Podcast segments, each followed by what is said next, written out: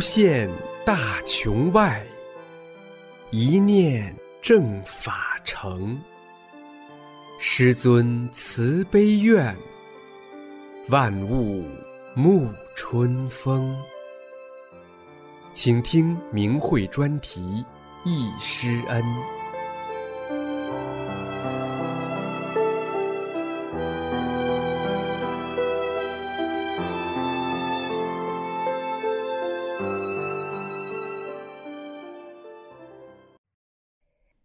请庆祝五一三征文文章，题目是《回忆师父传法初期治病的神奇事》，作者海外大法弟子。又临法轮大法日，回忆起关于师尊李洪志先生的几件往事，记下来，以表达对师尊的敬意，并留给后人。我是来自师父的家乡长春的大法弟子。迫害开始前。在长春，很多人都认识师傅，也得到过师傅的帮助。我有个表姐，她不修炼。有一次，表姐出了车祸，腿伤得很严重，外伤长时间伤口不愈合，十分痛苦。养伤期间一直坐轮椅。这期间，恰巧有一天，别人推着表姐的轮椅，在电梯里遇到了师傅。他们认出了是法轮功的师傅。就跟师傅说了表姐的伤势，请师傅帮忙给治疗一下。当时师傅说有事忙着要走，没有时间。下了电梯，师傅就走了。可那天之后，表姐的伤势迅速好转，不久就痊愈，能正常上班了。师傅恩泽四方，帮助人也不需要人知道，也不需要人感谢，无形中就帮了。我是一九九四年在大连听师尊讲法后开始修炼的。记得大连讲法班期间，有一天大连辅导站站长介绍了前一天一位先生专程从法国来中国找师傅给他儿子治病的事。这位法国人的儿子好像是有小儿麻痹症之类的病，无法正常说话。当时他儿子还在法国，师傅和此法国人在大连。师傅从大连帮他在法国的儿子治了病。站长介绍说，法国人过后打电话给儿子，儿子已经能正常说话了。我还看过师傅当时到法国传法时，和中国驻法国大使见面，并给大使夫妇治病的录像。我的印象是，师傅谈话理智平和，讲的不高。就是简单介绍了一下自己在中国传法的情况。谈一会儿话之后，就开始给大使夫妇治病。大使本人患肩周炎，胳膊向上抬不到竖直，师傅用手拍他的胳膊，一会儿就能抬到竖直了。大使夫人有腿疾，师傅给他治疗时，表面没动手，当场就好了。大使夫人很惊喜。后来，九六年出了《光明日报》事件，一篇该报刊登的文章，以文革式的无根据、不讲事实的大批判式的语言谩骂攻击法轮功，在学员中也引起了一些波动。我记得在讨论中，有一位学员说，北京健康博览会上，师傅给罗锅治病时，他在场，他亲眼看见那个非常严重的罗锅的人，当场脊背就直了。后来大法红传越来越广，师傅基本上以传法为主，人们都是自己修炼大法，身心受益了。当时北京在做法轮功祛病健身效果调查，我们练功点也让每个修炼者都写一下自己修炼大法前后身心变化的情况，搜集到一起。后来还开了法轮大法修炼心得交流会，我是开始修炼比较早的，是练功点辅导员。参与了整理这些材料，知道整体的情况。我印象中就是看到中国知识分子的身体状况真是都不怎么好，长期受严重慢性病困扰的非常多，什么心脏病、高血压、糖尿病、乙肝等等，很多人有多种病。练法轮功后，大多数是无病一身轻了，有效率是百分之百，痊愈率也很高。我们练功点，我亲眼所见，一个八十多岁的老太太，头发全白了，行动迟缓。她住的楼层比较高，大概是六楼。中国的楼房很多没有电梯，她上下楼很费劲，但很有毅力。她每天都坚持下楼走一走，这就是她为保持生命活力的全部活动。看我们在楼下练功，她也跟着学练。几个月后，我发现他那纯白的头发在后脖附近呈灰色，是因为一些头发已经是黑的了。我印象中最清楚的一件事是，有一天我们练功结束后，我看到他离开练功场走路的动作，像个动作鲁莽的年轻人，每一步不仅是迈步，而是撑着大步。迈的步子挺大，频率也不慢。我在背后看着他离去的背影就乐了。谁能想象他几个月前步履蹒跚、老态龙钟的样子呢？还有一位修炼者，也是我在北京亲身遇到过的。修炼大法前瘫痪十六年了，修炼大法一年多后行走自如。当时中共在一九九七年全面开始迫害法轮功前。一些报纸已有零星的对大法的攻击文章抛出，《中国经济时报》是其中之一。一些大法弟子去和报社的编辑讲自己在大法修炼中受益的情况，指出报道不符合事实。当时去《中国经济时报》的就有这位大法弟子，他拿着自己以前的残疾证，跟报社编辑讲自己的变化，并要求编辑对大法做正面报道。以弥补先前不实报道造成的损失，编辑当场被说服，决定给他登一篇报道。这就是那篇报道《我站起来了》的幕后故事。在法轮大法中修炼的，也有绝症患者康复的。我们练功点开修炼心得交流会，有一位发言的，就是乳腺癌晚期的，被医生判只能活两个来月了。他后来修炼大法，完全康复了。这些事说一天也说不完，几乎所有修炼者都有身心巨大变化的体会。大法不是为给人治病的，而是佛法修炼，但客观上会给修炼者带来非常健康的身体。后来我出国后，看到别的国家的人国民健康整体状况没有中国那么差，中国医疗保健系统也很差，所以当时中国法轮大法修炼者和其家人。对师傅的感激和尊敬非常深，这可能也是当权者所妒忌的吧。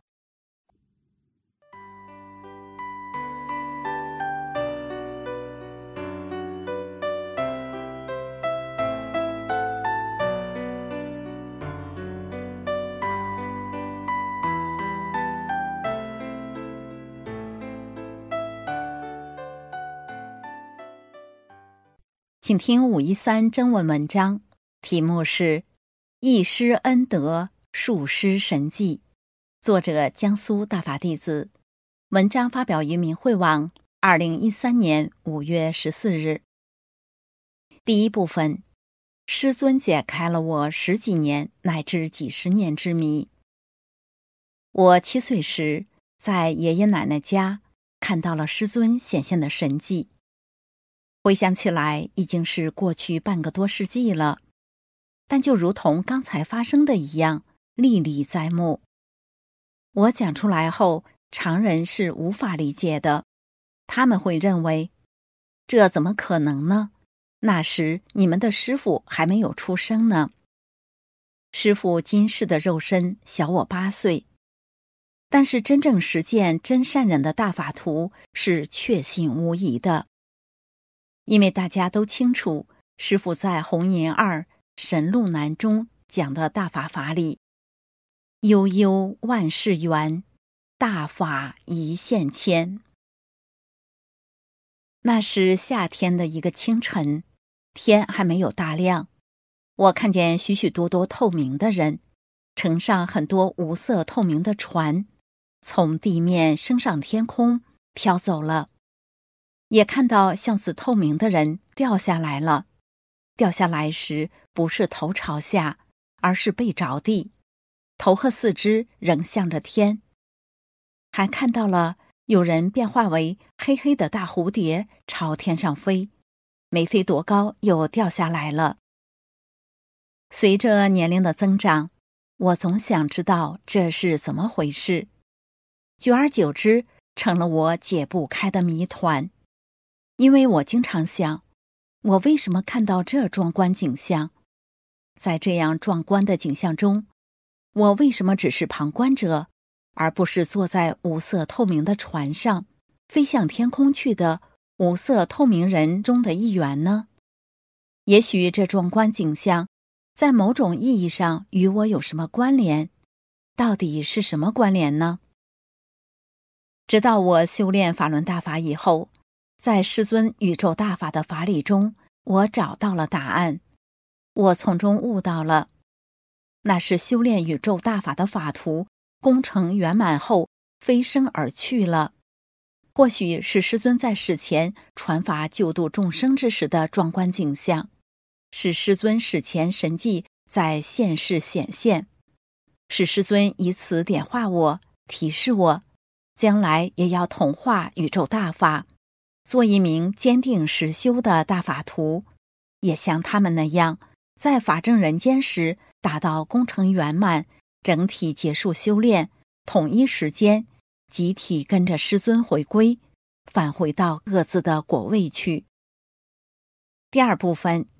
师尊显神迹，用学员和所骑自行车的业力换了两条命。我姑妈于一九九四年八月学练法轮大法后不久，骑着自行车在马路上行驶，对面一辆面包车径直向她冲来，躲已经来不及了。就在这车毁人亡的一瞬间，师尊将我姑妈的业力和自行车的业力向面包车的头撞去。只听“砰”的一声，面包车的车灯被撞下两个来，司机吓呆了。可是面包车根本没碰上我姑妈和自行车，这时她的腿还稳稳地跨在自行车上面呢。我姑妈从容地下了自行车，并把自行车放好，然后双手捡起那两个车灯，往司机手中送。司机还在惊恐地发愣呢。司机回过神来，奇怪地说：“我明明看到自行车被撞毁了，人也……”我姑妈说：“没事儿，我是练法轮功的，是我师傅的法身救了我。”第三部分，师尊在海外讲法中显神迹。一九九七年的阳历年期间，我在某地一陈姓女同修家看师尊在海外的讲法录像。师尊穿着黄色短袖衫，大概五个小时左右。在这五个小时录像中，我不断的看到师尊的躬身从电视屏幕中飘出来，往上空飞升，连同师尊讲法用的桌椅话筒，还看到了数不清的透明光团，照在透明的人体外，向空中飞飘而去。此后，我在不同的地方。又看了同一录像三次，师尊都显现了不同的神迹。第四部分，师尊显神迹引渡有缘人。一九九七年夏，我去远方探望近八十高龄的老母亲，数日后的晚上抵达。从第二天开始，每天清晨到他单位家属区一林间小院练功，我身旁有人耍太极剑。第五天的清晨，耍太极剑者其中一个人借去了我随身带的法轮功修订本。当天晚上十一点多，这个人来还书时对我说：“我和我爱人都把书看完了。他们夫妻俩都是高级知识分子。我的小肚子里怎么直转啊？”我说：“那是您与法轮大法有缘，所以只看了一遍大法书。”师傅就在你小腹内下了法轮了。他听后又高兴地说：“我爱人看完书后怎么老放屁呀？”我说：“那也许是您爱人肠胃不好，师傅给你爱人调整身体了。都是师傅法身显神通，显现出神迹的。”此人当下表示，把八十多元购来的太极剑丢弃，明天就开始修法轮大法。他走后，老母亲开口了：“你觉得我一个人生活很孤单吧？”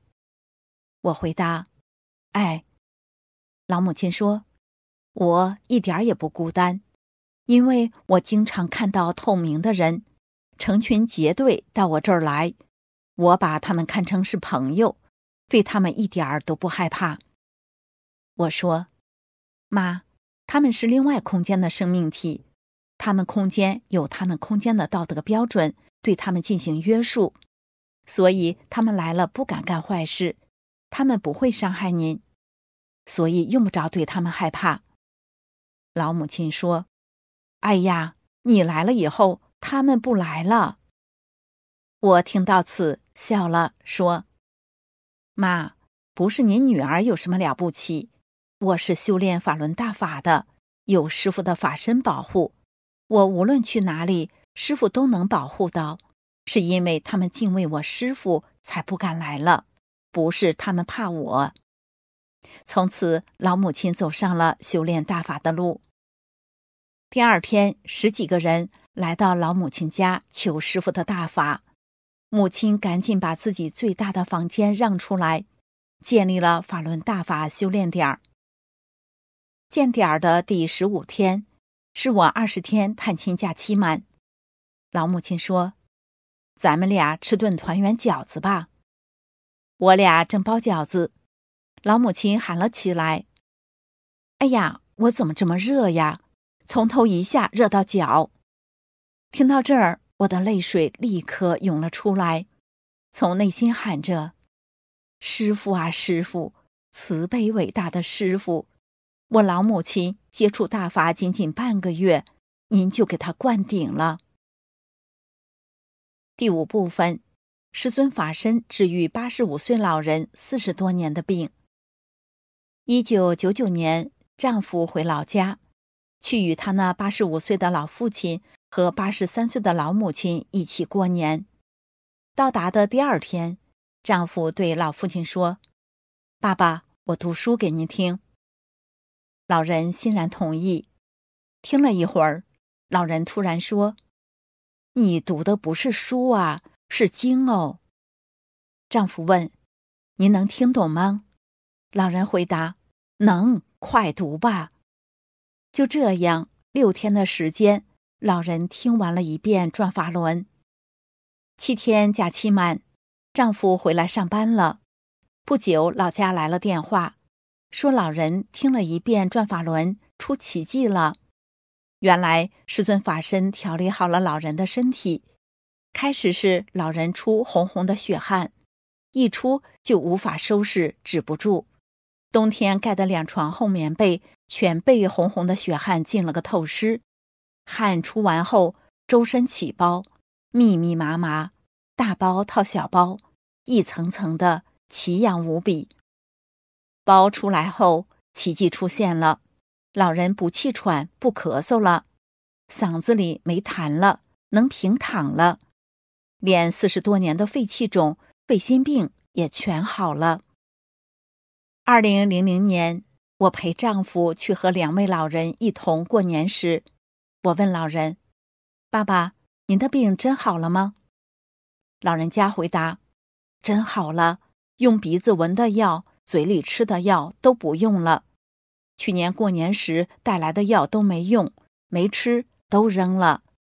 自从听了转法轮后。”就再没吃没闻了。我又说：“你看您多幸运哦，您也没练法轮功，你也没学法轮大法，你也没修炼，就听了一遍转法轮，我们师傅就管您了，还治好了您身上几十年的病。”老人说：“广播里说师傅不好，骂师傅。”我说：“您认为师傅怎样？”他回答。好，我笑了，并说：“就是因为师傅慈悲心好，师傅也看您的心好，就一下子把您的病去掉了。”老人舒心的笑了。邻居、亲朋好友得知此事后，都说师傅好，师傅的大法好。两年后，我那心地善良的老公公无疾而终了。二零零零年秋，由于师尊显神迹电话，使我悟到了我儿媳得了宫外孕。要知道，宫外孕要检查不出来，就会因为孕妇大出血而丧命。然而，她所工作的公司职工医院自始至终就是没有检查出来，竟然误诊为先兆性流产而刮了宫。尽管用了 X 光、CT 反复检查，还用上了核磁共振综合分析，还是没有检查出来。是师尊慈悲，在为众生承受最大的压力下，在救度众生中忍痛最深。受难最艰苦、最难挨的时日，还分神救我儿媳的命，一个不修炼的常人，使他最大限度减轻了痛苦，减少出血量，最大限度维持住了健康的身体。更重要的是，保住了他的命。师傅在《转法轮法解》中说：“一人得法，是全家受益。”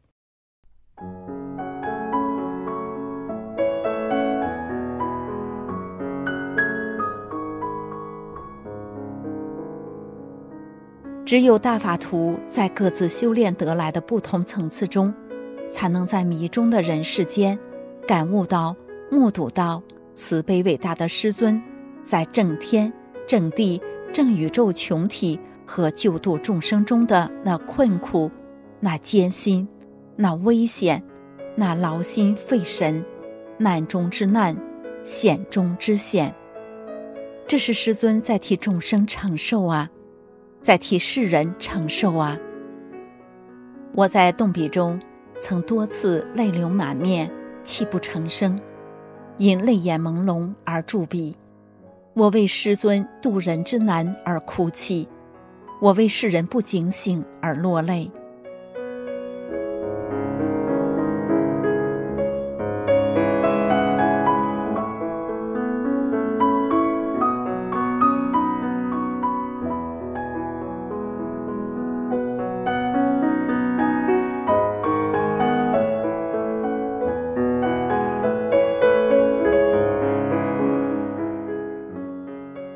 第六部分，选几例师尊在传功讲法班上的神迹。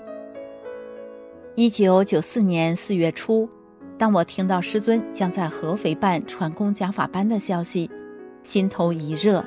当时我还没有接触大法，冲口而出，我也要去参加学习。当下就回家告诉丈夫，他不同意，并板起面孔说：“你还想成仙啊？”我笑着回答。不，我要成佛。说完，又补充一句：“我就是为了提高层次。”说完，转身出去借了一本法轮功，和丈夫一起看。他也认为这么好的功法，当然应该去学习。随着学法中对大法法理的渐深理解，我悟到了参加师尊传功讲法学习班，学习是为了提高层次。是错误的，是有所求，有所求将一事无成，什么也得不到。应该是师傅在悉尼法会讲法中讲的“无求而自得”，应该是师傅在转法轮中讲的“有心练功，无心得功”，应该是师傅在转法轮中讲的“修在自己，功在师傅”。自己什么也不懂。在修炼中，自己是一个一无所知的常人。明白了法理之后，下决心在师尊的宇宙大法中，堂堂正正的熔炼自己。一九九四年四月十五日至二十二日，我们一行八十多人参加了师尊在合肥办的传功讲法学习班，地点是安徽省党校大礼堂。我们一行八十多人住在省石化招待所。我们当中有一位七十多岁的沈姓老人，患晚期胃癌，医院叫他家人准备后事，说靠输液维持生命，最多还有两个月。他女儿是一位气功爱好者，说服了其他亲人，有两个身强力壮的人把老人架上了我们将去合肥的汽车。老人皮包骨头，身体极度虚弱，自己行走不了。当天晚上，师尊给我们上第一课。老人一进礼堂的门口，师尊就已经给老人调理身体了。他不用人搀扶，两腿轻快，大步流星的进了大门，端端正正坐上了自己的座位。一节课下来，更是精神大增。老人一出礼堂，一路小跑直达住处。负责照顾老人的女儿女婿一路上紧追，我也和他们同行，赶紧还有点落在他后面。这位较长时间不能进食的老人，从第二天开始胃口大开，大口大口的吃大米干饭，连大锅菜中还没有烧软的切成镰刀的老粗芹菜、竹笋老皮也吃得很香甜。我们回到住处就寝后。师尊法身来到我们房间，给一个李姓学员清理了蛇附体。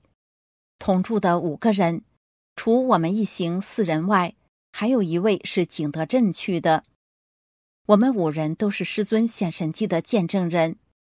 在这里补充说明一下，师尊并没有伤害那附体生命，体现了师尊的慈悲，救度宇宙生灵万物的博大胸怀。一天午餐的时候，与我同桌就餐的一位老者，听我说话的口音是他老乡，主动与我说话，并叫我去他房间。午饭后我就去了，在他的房间里，他对我说：“闺女呀，我已经跟师傅十一个班了。我原来是铁杆的无神论者，出于好奇，在北京参加了东方健康博览会，亲见师傅。”师傅显现了许多神迹，然后听了一次师傅的讲座，我天目开了。我看到师傅原来是一尊大佛，在师傅左右两边都有佛跟着师傅。闺女啊，好好跟着师傅修炼吧，跟着师傅修炼到底也会成佛的。这位老人是军内礼修者，高薪阶层。在学习班中，师尊用教学员们统一时间并跺脚的方式给大家调整清理身体。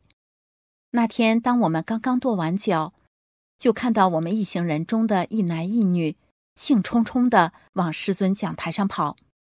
男的登上台就向师傅下跪，师尊见状便说：“干什么？干什么？”边说边伸手一托，一股力将下跪之人。托于半跪之中，硬是跪不下去。而后这股力又把他轻轻托得站起来。这时后边那女子跑上了台，赶紧给师尊磕头。原来男子是十七年的耳聋，带助听器听大声讲话还老打岔的当地有名的汪聋子。这一跺脚，耳朵居然好了。不仅如此，他腰椎间盘突出也好了。回来经过医院检查，他多年的肺结核也好了。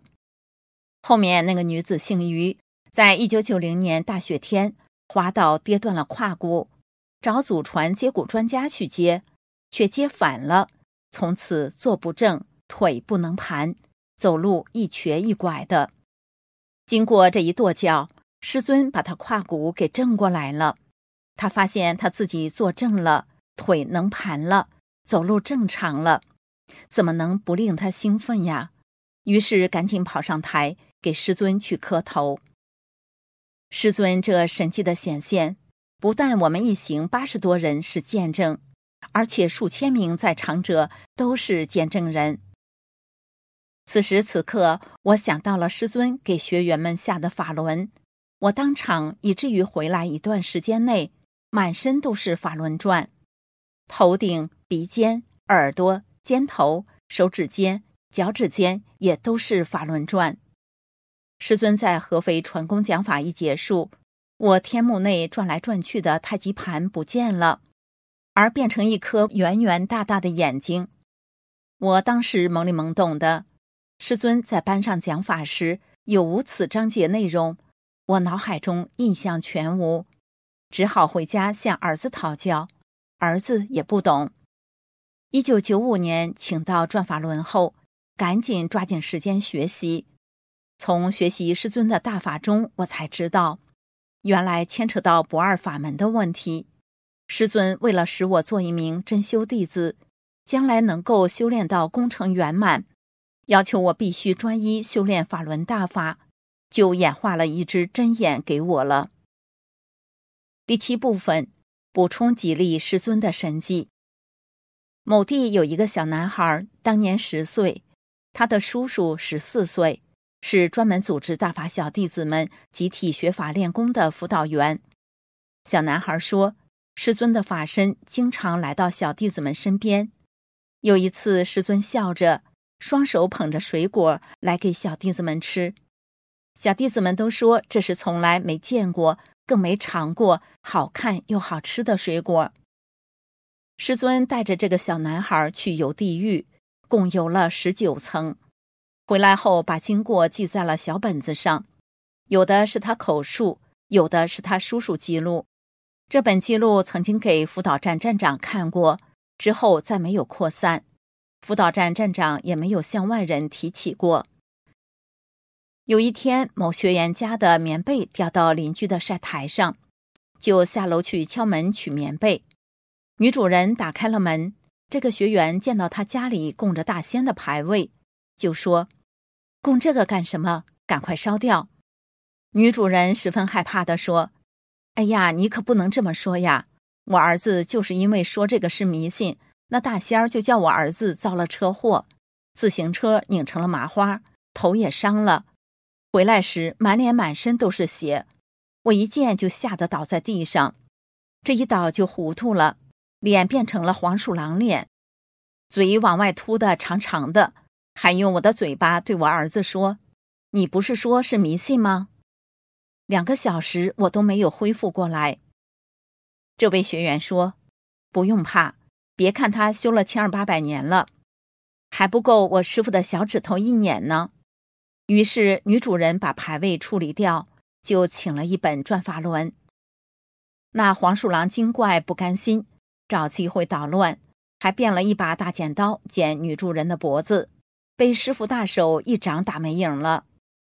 从此，女主人再没有被干扰，就一心一意修大法了。某年冬天，某辅导站收到一封求助信，求助者是位女士。因练附体气功而招来了蛇附体，已经折磨他许久了，有一年半上不成班了。该辅导站站长冒着漫天大雪给他送去了一本转法轮。他见到转法轮如获至宝，一口气读下去，一天就读完了七讲。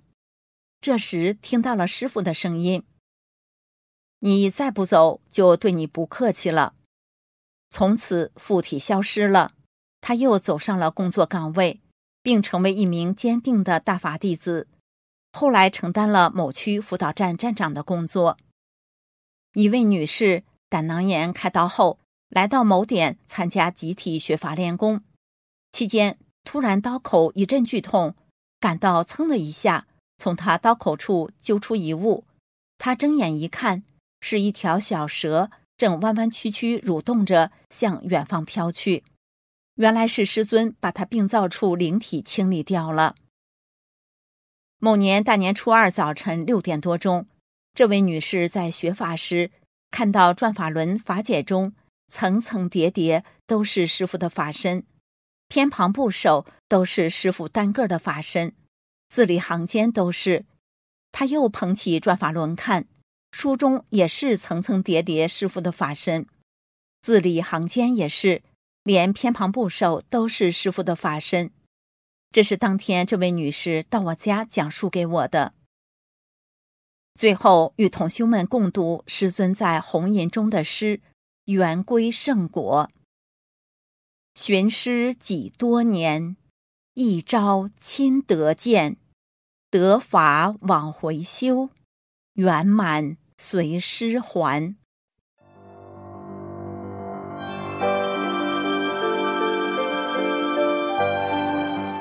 这一期的易师恩就到这里，谢谢收听。